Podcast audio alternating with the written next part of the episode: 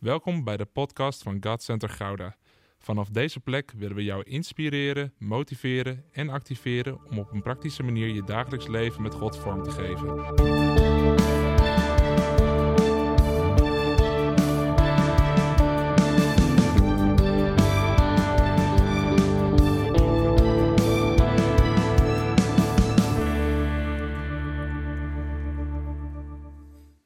Ik had nog niet helemaal mijn inleiding voor de preek. Had ik vast. Ik had losse woordjes en bepaalde zinnen. En ik vroeg aan God, wat is dan de inleiding voor deze dienst? En ergens ervoer ik zo'n rust. Dat God zei, het gaat wel komen. En eigenlijk is het zo bijzonder dat Tijdens de voorbeden hadden we het erover, bedankte ik de voorbidders dat zij de boodschap van vandaag ook al bevestigden in hun gebeden. En dat ik zei, zoals pastor Jeroen vaker zegt, preken doen we samen. En wil ik Harmke bedanken, dank je wel dat je ook samen met mij wilt preken. Want ik geloof niet dat voor deze boodschap het er een betere inleiding had kunnen zijn. En ik wist zelf niet de getuigenis, dus ik moet zelf ook nog een beetje van bijkomen. Ik ben er, denk ik, net als iedereen, enorm door geraakt. Maar het enige wat God ook tegen mij zei en liet zien. We naderen nu, dit is de derde adventsweek. Derde adventszondag. Een week voor kerst. Vaak is kerst ook in de kerk, maar ook zelfs in de wereld wat uitbundig wordt gevierd. Met mijn voorbereiding ervoer ik zo enorm sterk dat het soms lijkt, juist in deze tijd, alsof het contrast steeds groter wordt. Dat we kunnen de boodschap van hoop wel vertellen met kerst. Maar God liet me zien van nee, hoe nodig is het om voor kerst al die boodschap van hoop te brengen. Want juist in die aanloop na kerst, hoeveel mensen ervaren dan daarin nog meer het contrast. Vandaar waar de commercie het heeft over het samen zijn, gezellig samen zijn met vrienden, familie, met de kerk. En daar een ander contrast is van het zo alleen zijn. Ik zag een TikTok-filmpje van de week dat iemand zei, die was single, al elf jaar single. Al volwassen vrouw in de dertig en die zei, 360 dagen van het jaar gaat het hartstikke goed, maar juist net die dagen voor kerst word ik er extra aan herinnerd. En zelfs als volwassen vrouw, hoeveel hoe ik mijn eigen leven heb, iedere keer met kerst weer word ik weer herinnerd aan het opgroeien vanuit een gebroken gezin. Waarin je iedere keer weer kerst, oh ja, zoals elk jaar weer, op twee families, dat je het moet gaan verdelen, vader en moeder. En daarin waarin steeds meer het contrast groter wordt tussen rijk en arm, tussen mooie kleren gaan zoeken, al weken bezig zijn. Het is gewoon een gekte als je in de winkels inkijkt, naar wat er allemaal te koop is. En daarbij die ene winkel nog goedkoper en nog meer, nog, nog glimmerder, terwijl iemand anders al blij is als die met kerst zijn gezin te eten kan geven. En ik geloof dat daarom ook deze boodschap nu, deze week voor kerst moet klinken, de boodschap over hoop. En ik wist echt niet het getuigenis van Harmke. Maar als we kijken naar het leven van Harmke, als het zo hoort dat wat er in haar jeugd, in haar leven al is gebeurd, dat we eigenlijk als kerk mogen opstaan, die hoop mogen brengen van Jezus en dat wat er gebeurt, dat we zeggen, dit gebeurt niet meer in de generatie. En de preek van deze morgen, de titel van deze morgen is hoopvol uitzien naar een gezonde generatie. Want durven we nog hoopvol uit te zien of kijken we naar de wereld en dan zeggen we van daar waar kerst staat voor vrede op aarde, zien wij zo dichtbij en zo tastbaar bijna door social media, door het nieuws, dat de oorlog dichtbij is. De dreiging van terreur wat steeds dichterbij lijkt te komen. En niet om ons bang te maken, maar juist om te laten zien dat wanneer het duister lijkt te winnen en het steeds donkerder wordt, de, de, dag, de dagen worden korter en de nachten worden langer. Maar juist daar waar contrast steeds groter wordt van de duisternis, is tegelijkertijd het contrast van het licht mag steeds meer gaan schijnen. En ik geloof dat wij als kerk daarin mogen opstaan, zodat verhalen als wat we hebben gehoord van Harmke, dat het niet meer zal overkomen en zal gebeuren voor de volgende generatie. En ik wil met jullie gaan lezen vanuit Matthäus 1. Het evangelie volgens Matthäus. Wat ik zo bijzonder vond, is dat twee weken geleden vertelde, vertelde Henk Stoorvogel, die begon erover. En ik dacht, oh nee, ik dacht, nee, hij gaat toch, ja, je gaat uh, Henk Stoorvogel ga je niet uh, overtreffen. En tegelijkertijd dacht ik, oh, straks, ja, straks moet ik heel mijn preek nog veranderen binnen, binnen twee weken. Maar ik denk dat ook dat een mooie inleiding was. Hoe Henk Stoorvogel vertelde over de verschillende evangeliën, de verschillende standpunten. Zien wij hoe Matthäus dat Matthäus de enige is die met een geslachtsregister begint. En vroeger als jong meisje, dat ik de Bijbel nog niet zo begreep, dacht ik, oh is leuk alvast kindernamen zo uit, uh, uitzoeken. En toen had ik nog niet door van waarom is het zo nodig, maar daar gaan we, vandaag gaan we daar, daarachter komen. We zien dat Matthäus vooral voor de Joden schreef. Zijn boek was echt gericht voor de Joden, voor de pasbekeerden. En wat ook weer zo mooi terugkwam in de voorbeden en ook tijdens de zangdienst, was dat wij zongen All Hail King Jesus. En als je kijkt naar hoe Matthäus zijn evangelie schreef voor de Joden, was dat hij heel veel terugverwijst naar het Oude Testament. Iedere keer staat er weer van, op dat vervuld wordt wat er in de schriften geschreven staat. En we zien dat hij steeds refereert naar Jezus, de koning van de Joden, die koning waar we vanochtend over hebben gezongen. En Matthäus benadrukt als geen ander in zijn evangelie dat Jezus niet is gekomen om de wet af te schaffen, maar om haar te vervullen. Dus zoals zij begint eerst de eerste 17 versen van Matthäus gaat over de afkomst van Jezus Christus en gaat over de hele generaties, de generatie waaruit Jezus van afstamt.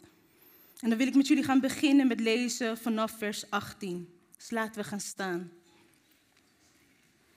In Matthäus vers 18 tot en met 25 staat er: De afkomst van Jezus Christus was als volgt.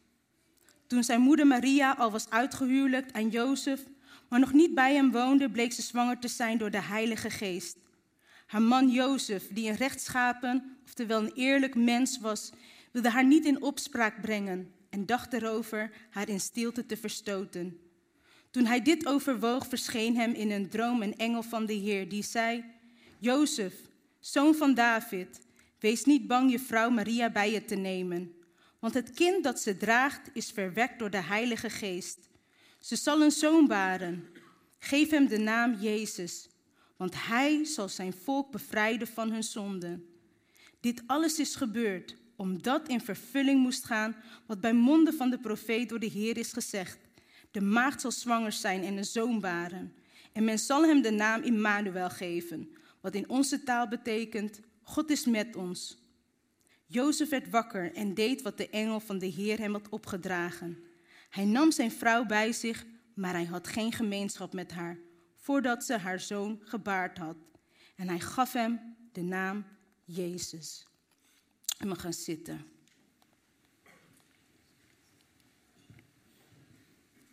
We zien in het Oude Testament, als we kijken naar het begin van de Bijbel, dat Genesis begint met de schepping, met de scheppingsorde. Waarin eigenlijk ook God al zijn principes neerlegt over man en vrouw. Dat God man en vrouw heeft geschapen. Dat God zijn principes neerlegt over het huwelijk. Dat een man zijn ouders zal verlaten en zijn vrouw zal aanhangen en dat zij één zullen zijn. Er wordt daarin zo mooi de principes van het huwelijk wordt daarin vastgesteld. En tegelijkertijd, hoe mooi is het dat als we het Nieuwe Testament gaan lezen in Matthäus, dat we ook in dit gedeelte gaan lezen en gaan zien hoe God het bedoeld heeft, de principes van het gezin. En ik geloof dat dat als eerste nodig is. Als we kijken wat is er nodig voor een gezonde generatie om dat te herstellen in deze tijd. Geloof ik dat het is dat we weer gaan herstellen de gezonde rolverdeling binnen het gezin. En dat wij daarin vanuit Gods principes en Gods woord daarin mogen gaan leven. Het mooie is dus dat, waar ik het nu over ga hebben, dat we gaan kijken vooral naar Jozef. Als we kijken naar de andere evangeliën, er wordt er meer vaak verteld over Maria, de rol van Maria. Maria wordt hier in dit gedeelte in Matthäus 1 en Matthäus 2 niet veel genoemd, maar vooral de nadruk ligt op Jozef. En daarin kan het misschien zijn dat ik misschien soms lijkt alsof ik misschien hard voor de mannen ben, maar het is niet zo. Ik geloof wel dat ik vandaag deze morgen echt een oproep mag doen voor de mannen. En dat is niet om de mannen op de vingers te tikken. Maar ik geloof dat wij als vrouwen ook daarin jullie mannen de ruimte mogen geven om de plek weer in te nemen in het huwelijk, in het gezin, in de maatschappij en in de families. Dus voel het vooral niet als een aanval, maar dat het echt is vanuit liefde. Dat wij jullie daarin willen eren en dat jullie mannen daarin weer in ere hersteld mogen worden. We zien dat ten eerste dat Jozef in vers 20 wordt aangesproken. En dan zie je dat hij wordt aangesproken niet als Jozef, verloofde van Maria, of Jozef, de man van Maria, maar hij wordt genoemd Jozef, zoon van David. Daarin wordt al gerefereerd naar zijn afkomst, zijn identiteit. En zoals ik al zei, Matthäus die schreef voornamelijk, zijn doelgroep was de pasbekeerde Joden. En binnen het Jodendom was afkomst heel erg belangrijk. Je stamboom, van wie je afstand, dat was heel erg belangrijk voor de Joden. En daarin wilde Matthäus ook echt laten zien van, hey, ook al was Jezus niet de verwekker van, ook al was Jozef niet de verwekker van Jezus, hij had wel recht, hij was de rechtmatige vader door de bloedlijn die vanuit, die we zien vanuit het geslachtsregister had hij recht om de vader, om de natuurlijke vader van Jezus daarin te zijn. En dat hij daarin ook erkend werd als vader. Daarna zien we dat er gesproken wordt door de engel tegen Jozef. En tot twee keer toe, in dit kleine korte stukje, krijgt Jozef de taak. Jozef is degene die de opdracht krijgt om Jezus zijn naam te geven. Er staat op, geef hem de naam Jezus. En dat zegt hij niet tegen Maria, maar dat wordt gezegd tegen Jozef. En dan zien we in vers 25 dat Jozef dat ook doet. En we zien in vers 25, en hij gaf hem de naam Jezus. Wat zien we hier dus? Dat vaders zo belangrijk zijn in het bevestigen van de identiteit van een kind. Dat het, het, noemen van je naam van je kind al zo belangrijk is en niet per se met de naam die je het geeft, maar in bevestig in wie hij is, in zijn identiteit en dat vaders onmisbaar zijn.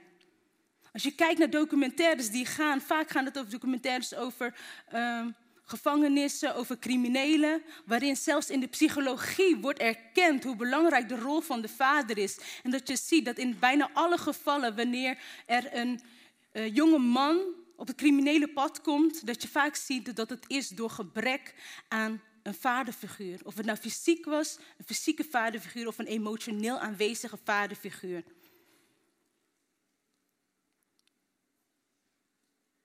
Vaders zijn onmisbaar in het bevestigen van de kinderen in hun identiteit.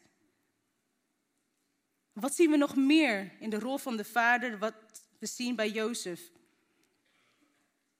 We zien dat als God een profetie geeft of een droom, dan is het niet zo van, oké, God geeft een profetie, net zoals hier staat, de profetie moest in vervulling gaan. Dat we gewoon een beetje kunnen blijven zitten en kunnen wachten van, nou, God heeft toch een profetie gehad. Ik wacht, ik kan doen en laten wat ik wil. En de profetie komt toch in vervulling. Nee, we zien dat God daarin in de profetie wil gaan samenwerken met ons als mensen. En we zien dat wat doet Jozef? Jozef gehoorzaamt. Er staat op, hij krijgt die opdracht krijgt hij van de engel van de Heer. En er staat er, Wat doet Jozef? Jozef werd wakker.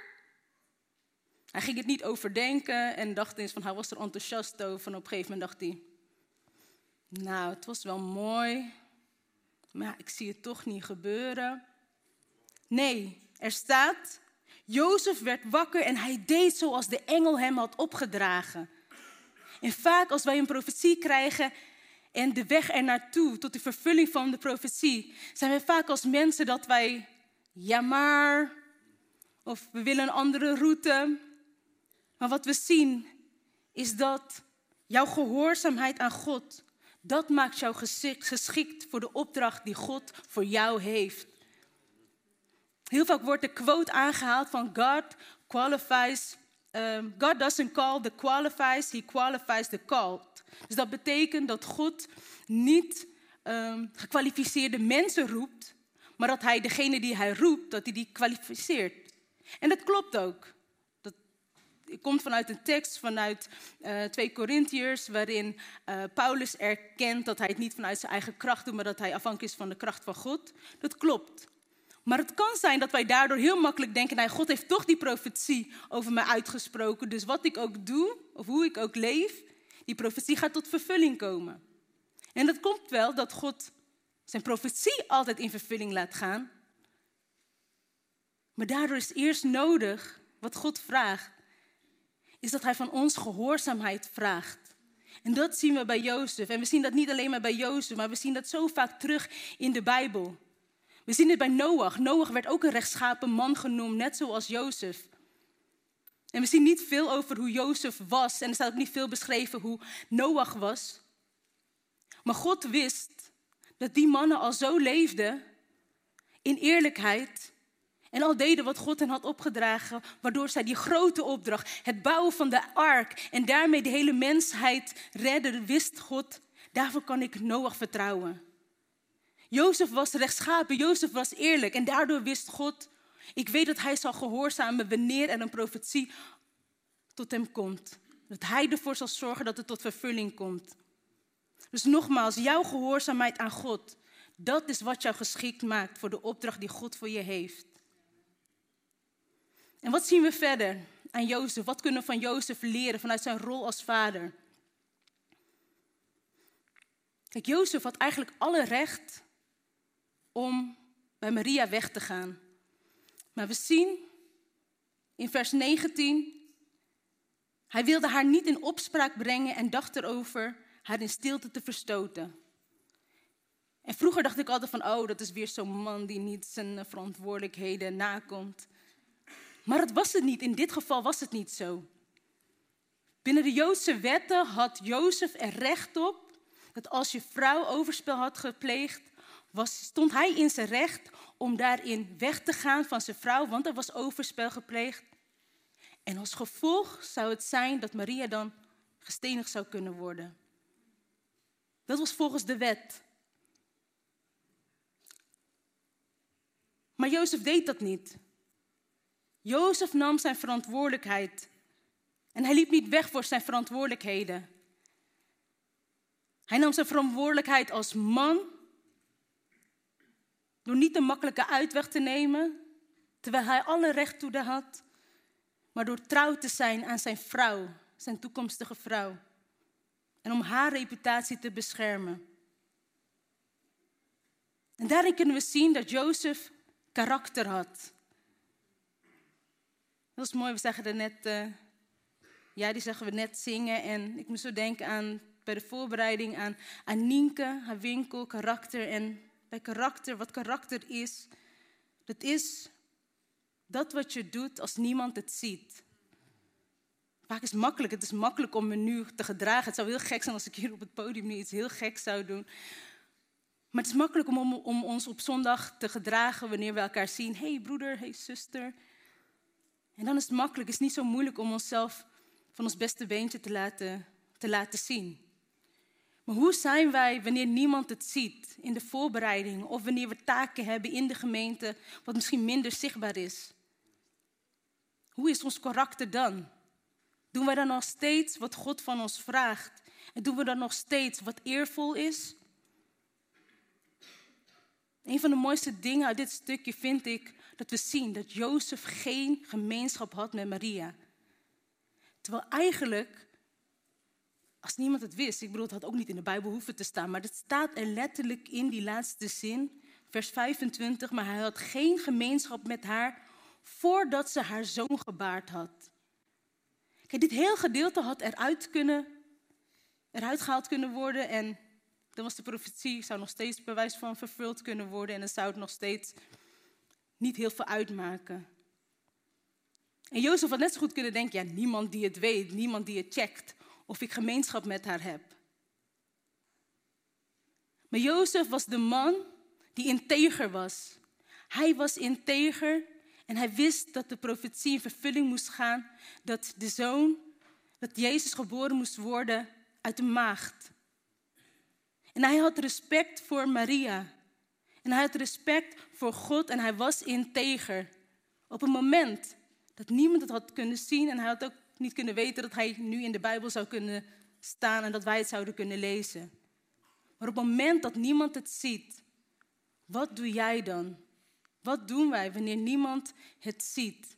Tonen we dan nog steeds karakter en zijn we dan nog steeds integer? En Jozef deed wat nodig was om de profetie in vervulling te laten gaan voor zijn generatie. En ik wil jullie echt oproepen, mannen. Doe wat nodig is om de profetie over jouw leven, jouw huwelijk, jouw gezin en de toekomst van jouw generatie en jouw nageslacht veilig te stellen.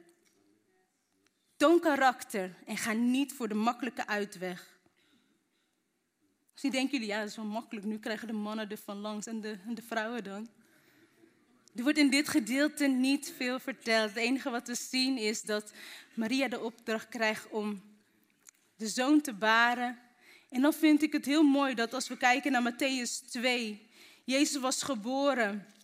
En de magiërs uit het oosten, die komen dan om Jezus, om de koning der Joden eer te bewijzen. En zij gaan dan, ze volgen de ster en dan komen ze terecht. En dan staat er, dan zien we dat Maria weer hier in het verhaal komt. Zien we in Matthäus 2, vers 11 staat er. Ze gingen het huis binnen en vonden het kind met Maria, zijn moeder. Misschien denk je, ja, wat, wat zegt dit? ik dacht ook, wat, heer, wat, wat zegt dit precies? Kijk, en ik wil niet helemaal teruggaan naar te zeggen van hey, vrouwen zijn er alleen maar voor het aanrecht en baarrecht en, uh, en alles. dat, dat, geloof ik niet. Maar tegelijkertijd geloof ik wel dat wat is de duivel aan het doen? Hij is wel zoiets van, hé, hey, wij vrouwen worden nu zo van, als je kijkt naar het feminisme en emancipatie, van hé, hey, wij vrouwen, we moeten, tuurlijk inderdaad, gelijkwaardig behandeld worden. Maar op een gegeven moment wordt het zo in de wereld gezet dat wij als vrouwen niet meer weten wat onze rol is binnen het gezin. En ik geloof dat onze eerste roeping en eerste bediening is in ons gezin. Om daarin onze mannen daarin te mogen helpen en te ondersteunen. En daarin ervoor te zijn voor de kinderen. Dat wij eerste bediening, en dat vind ik heel mooi. We kijken naar de scheppingsorde, we gaan weer terug naar Genesis. God heeft een orde. Het is niet een of-of. Het is niet dat vrouwen thuis moeten blijven voor de kinderen en voor het huis moeten zorgen. Of ze moeten carrière maken. Ik geloof dat het en-en kan. Maar tegelijkertijd geloof ik, wat is de volgorde? God heeft in de scheppingsorde heeft hij een orde, een volgorde gelegd. Maar dat God zegt van, hé, hey, eerst is het belangrijk dat de man en vrouw, dat ze gaan trouwen. Dat daarin ook afstand nemen van de ouders. Dat je daarin de man zijn ouders, zijn vader en moeder verlaat. Dan worden zij één. Dat is waarin wij het altijd over terugrefereren. Want het gaat om seksualiteit, om gemeenschap binnen het huwelijk. En tegelijkertijd geloof ik ook dat dit niet een en, en of of is. Maar het kan en en. Maar wat is de volgorde?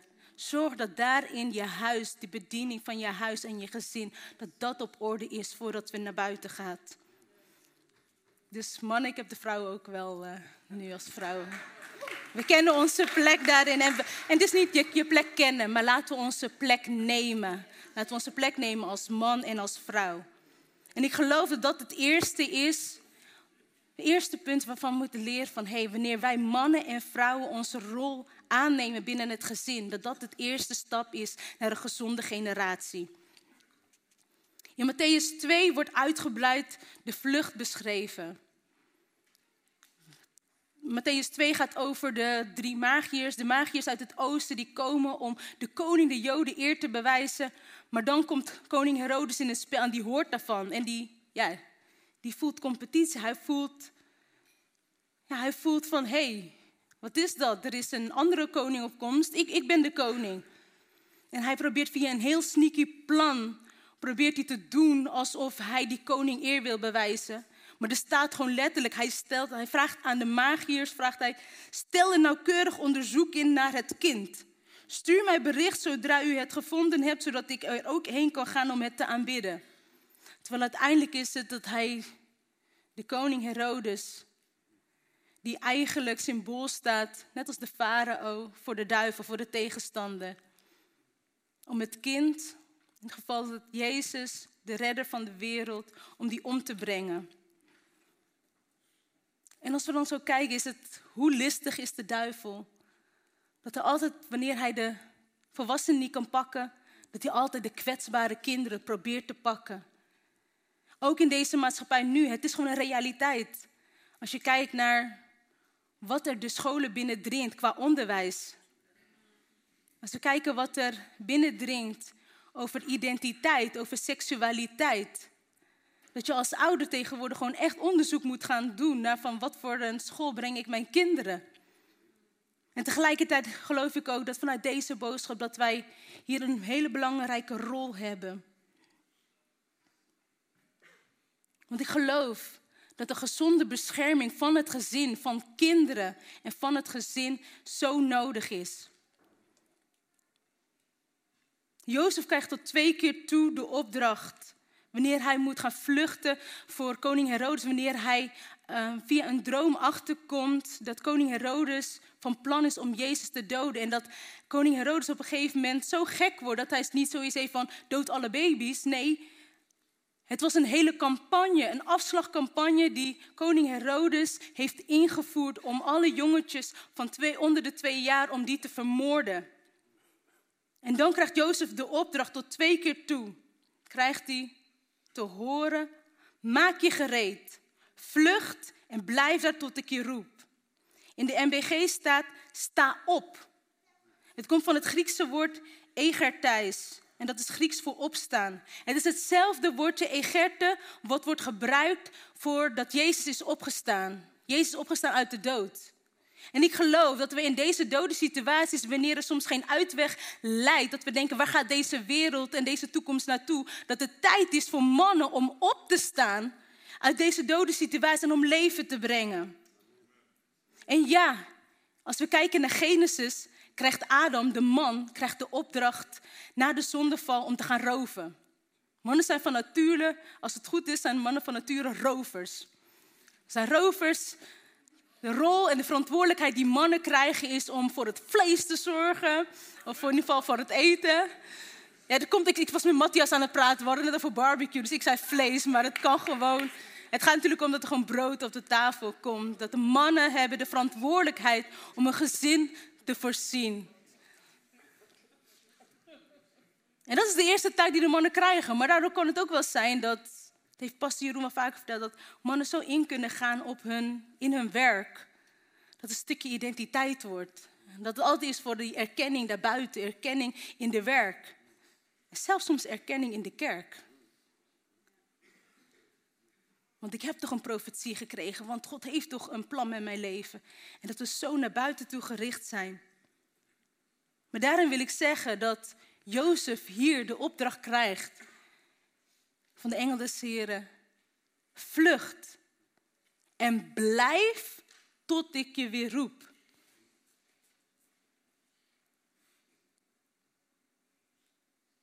En wacht niet tot het leven je overkomt.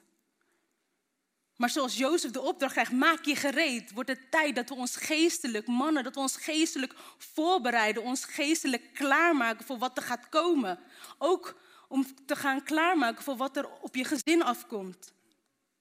Wacht niet totdat je dochter in de puberteit komt en met onzekerheden ineens te maken krijgt dat je zegt, nou, je bent eigenlijk toch wel mooi. Nee, het is belangrijk dat kinderen dat al vanaf kleins af aan te horen krijgen. Dat je tegen je dochter zegt hoe geliefd ze is, hoe mooi ze is.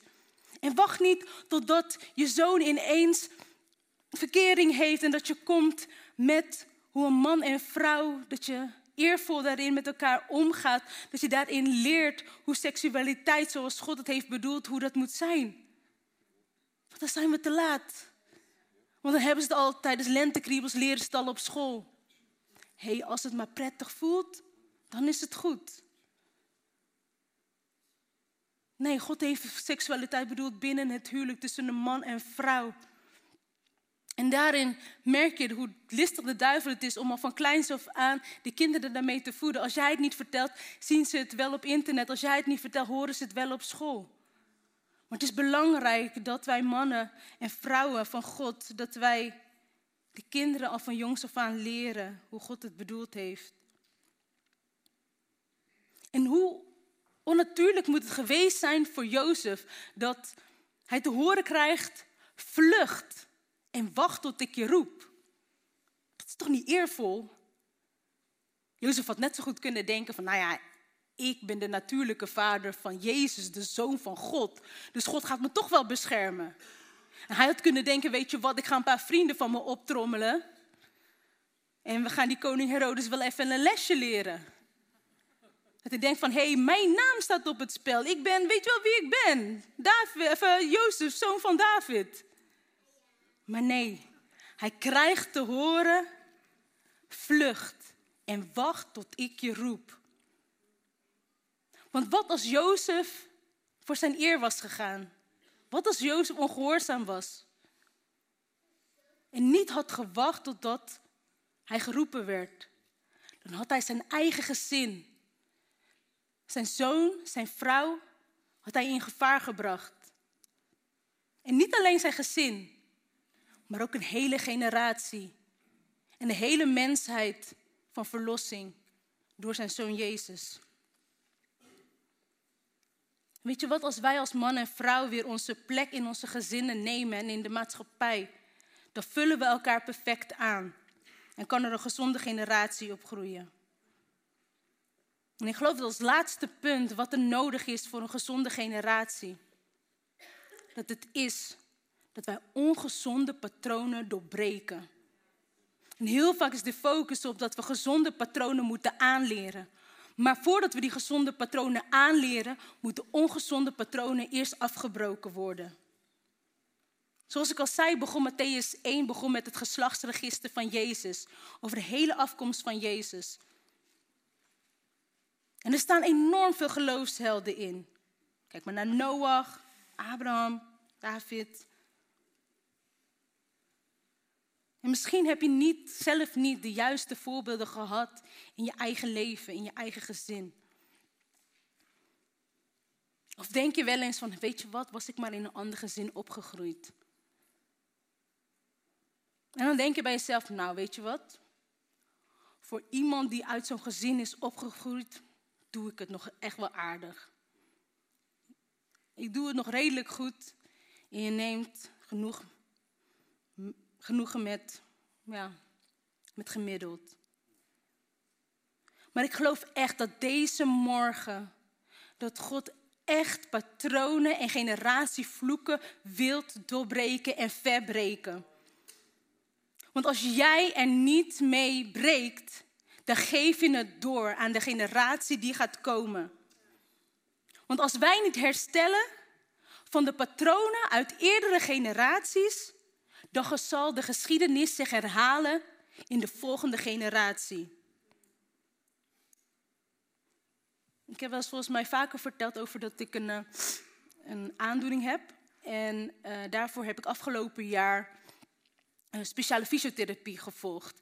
En die fysiotherapie is gericht op uh, de baarmoeder omdat ik zeg maar baarmoederslijmvlies verlies ik maandelijks.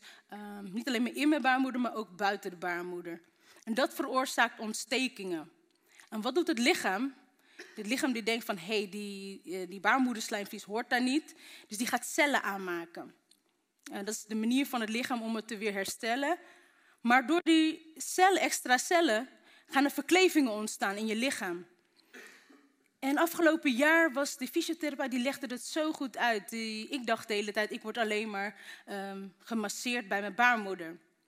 Maar op een gegeven moment, na een periode, toen mijn baarmoeder wat losser zat, ging ze steeds verder en ging ze steeds, eigenlijk werd bijna heel mijn lichaam werd gemasseerd tijdens de fysiotherapie. En ze legde het heel goed uit.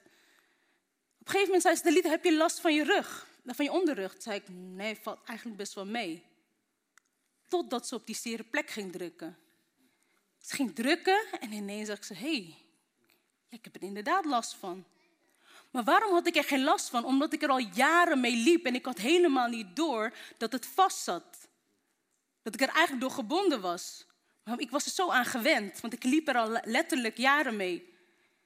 Toen gaf ze aan, toen zei ik, maar waarom, als het gaat om mijn baarmoeder, wat heeft mijn rug er dan mee te maken? Toen legde zij inderdaad uit hoe dat met elkaar, door die verkleving met elkaar in verband staat. Ze legt het uit als een strak shirt. Ze zegt, stel je hebt een shirt en je trekt het naar achteren. Ze zegt, de spanning komt op de buiten zitten, maar uiteindelijk moet het achter moet het losgetrokken worden.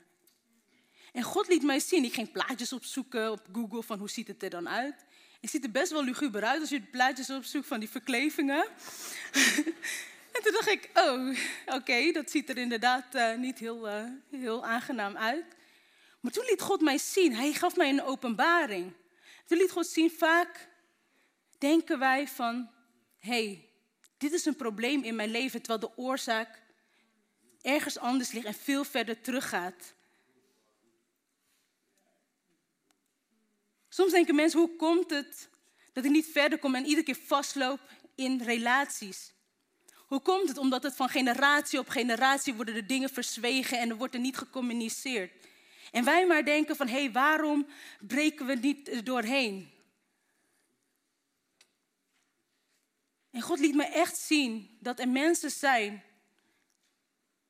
En, en zie het niet als, als daarin, als oordeel, maar dat God het juist wil laten zien van, hé, hey, sommige mensen die struikelen de hele tijd met de verslaving. En, en dat je soms denkt van, ja, is het toch, is het gezonde alcoholgebruik of wordt het alcoholmisbruik? Omdat je iedere keer denkt van, hé, hey, ik, ik, ik heb ervoor gebeden om te stoppen, om me niet met verdovende middelen, om me daarmee, zeg maar, om eraan vast te zitten. En iedere keer bidden we voor die verbreking van die verslaving. Terwijl de oorzaak bij heel veel mensen zit hem in omdat je nooit hebt geleerd om te rouwen en om te praten over je emoties. En omdat je niet weet hoe daarmee om te gaan, want er werd vroeger nooit gepraat. En je ouders hebben ook nooit geleerd om erover te praten. Verdoof je maar die pijn van emoties met bepaalde middelen. Terwijl God wil dat doorbreken. En jij kan die patronen doorbreken door wel te praten.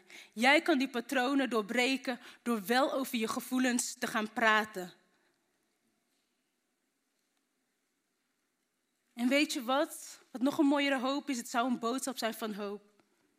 Wij zijn verantwoordelijk voor het doorbreken van die patronen. Maar uiteindelijk heeft Jezus de vloek verbroken. En dat zien wij in Galaten 3, vers 13, waarin staat: Christus heeft ons vrijgekocht van de vloek van de wet. Door zelf voor ons vervloekt te worden. Hij was zelf vervloekt. Want er staat geschreven: Vervloekt is ieder mens die aan een paal hangt. En daarin heeft Jozef ook laten zien. Hij heeft in het natuurlijke heeft, heeft Jozef de patronen doorbroken. Maar het was Jezus die in het geestelijke de vloek op zich heeft genomen. En om je daarin hoop te geven, want in de natuurlijke bloedlijn nam Adam zijn verantwoordelijkheid niet. Adam had zijn verantwoordelijkheid moeten nemen voor zijn gezin, want hij had de opdracht gekregen om niet van de boom van goed en kwaad te eten. We zien dat Abraham, toen hij in Egypte was, dat hij zijn eigen hachje probeerde te redden door eigenlijk zijn eigen vrouw te hoereren. En dat vond hij oké. Juda, die ook in het geslachtsregister van Jezus staat. Hij sliep met zijn schoondochter omdat hij, zijn schoon, hij zag zijn schoondochter aan voor een prostituee. En daaruit werd Peres, die ook genoemd staat in het geslachtsregister van Jezus, die is daardoor verwekt. David, die liet een onschuldige man, liet hij vermoorden. Omdat hij overspel had gepleegd met Bathseba. En om zijn eigen zonde eigenlijk te verdoezelen, heeft hij Uria vermoord. Maar daaruit, uit dat, uit die affaire is zelfs Salomo, die ook vernoemd wordt in het bloedlijn van Jezus, is daardoor geboren. En die wordt daarin ook genoemd. Kijk, volgende week herdenken we de komst van Jezus. We herdenken dat hij naar de aarde toe kwam. En niet in deze evangelie staat het niet, maar we kennen het verhaal dat Jezus in een stal werd geboren. En hij werd in een kribbe gelegd. Voor de kribbe had Jezus niet gekozen. En ik geloof me Jozef en Maria ook niet. Ik denk dat ze echt wel een heel ander kraambed voor Jezus en een, een, een, kraambed, ja, gewoon een kraamperiode hadden bedacht. Voor de kribbe had Jezus niet gekozen, maar voor het kruis wel, uit vrije wil. Want dat was uiteindelijk zijn uiteindelijke bestemming op aarde. En weet je wat Jezus had kunnen zeggen van, ja weet je wat, mijn komst op aarde was voor een koning der Joden, was echt niet eervol. Het was zo eenvoudig, dan wil ik op zijn minst wel eervol aan mijn einde komen. Maar zijn leven begon eenvoudig in een kribbe, in een houten kribbe, waar hij niet voor had gekozen. En zijn leven eindigde hangend aan een houten kruis, uit vrije wil omdat hij wist wat zijn bestemming was, omdat hij jou en mij voor ogen had. En in die tussentijd, tussen die vervulling van zijn belofte voor de vervulling van de profetie, toonde Jezus karakter. Jezus toonde karakter toen hij werd verraden, toen hij werd verlogend, geslagen en gekruisigd.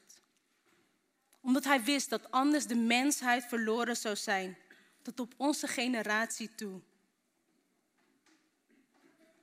En weet je wat, zoals Jezus niet heeft gekozen waar zijn wiegje lag, heb jij ook niet gekozen voor de plek waar jouw wiegje stond. Voor het gezin waarin jij bent opgegroeid, de ouders die jou hebben opgevoed. En misschien ben je wel opgegroeid in een omgeving zonder support, zonder liefde. En zie jij het niet voor je van, ja, hoe komt die profetie en die beloftes van God voor mijn leven tot vervulling. Want ik heb niet de juiste voorbeelden gehad. En omdat je misschien niet de juiste voorbeelden gehad, heb je ook niet die, altijd de juiste keuzes gemaakt. Maar ik wil je bemoedigen deze ochtend. In het geslachtsregister van, van Jezus worden die mensen genoemd. Peres, eigenlijk een bastaardkind, geboren uit incest. Rahab, de prostituee, die twee verspieders had ondergebracht en daarmee een heel volk had gered. Die wordt genoemd in de bloedlijn van Jezus. Rut, een Moabitische, eigenlijk een afstammeling. Rut was de afstammeling van Lot. De Moabieten die eigenlijk als jarenlang, generaties lang vijanden waren van het volk van Israël. Zij was een vreemdeling, een vluchteling. Maar zij wordt genoemd in het geslachtsregister van Jezus. En Salomo, ontstaan uit overspel en affaire. En dit zeg ik niet om seksuele zondes en onreinheid goed te praten, maar om hoop te geven. Want Jezus zelf is de hoop. Zoals Matthäus 12 in vers 21 over Jezus zegt.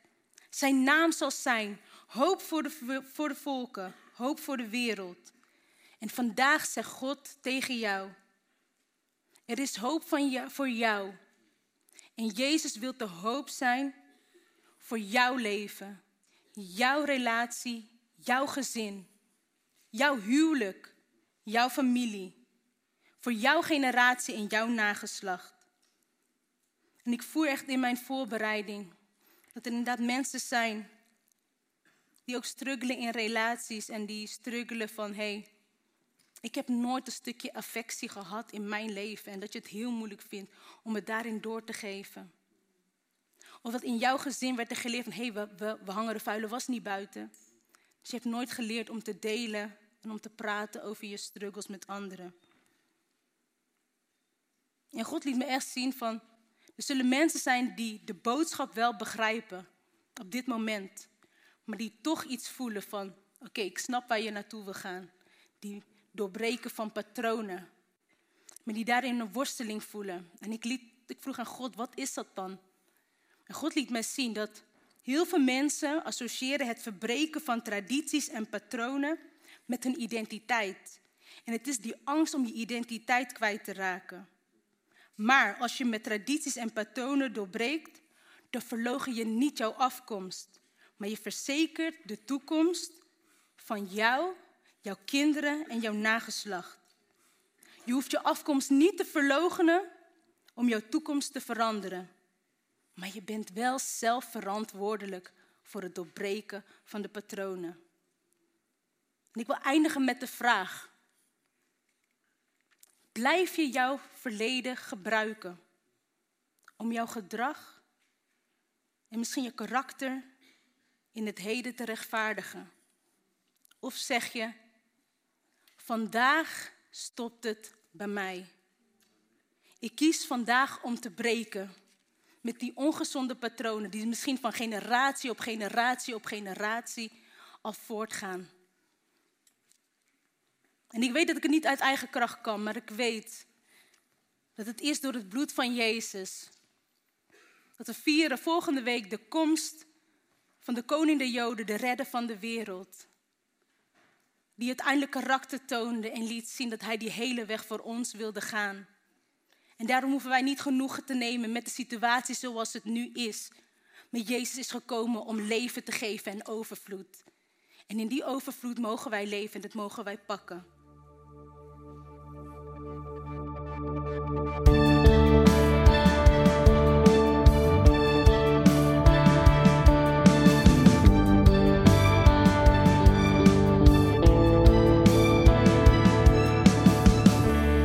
Bedankt voor het luisteren naar deze podcast. Volg ons op onze kanalen om verbonden te blijven. Heeft deze aflevering jou geraakt? Deel dan op je socials en tag ons, zodat we samen meer mensen kunnen bereiken.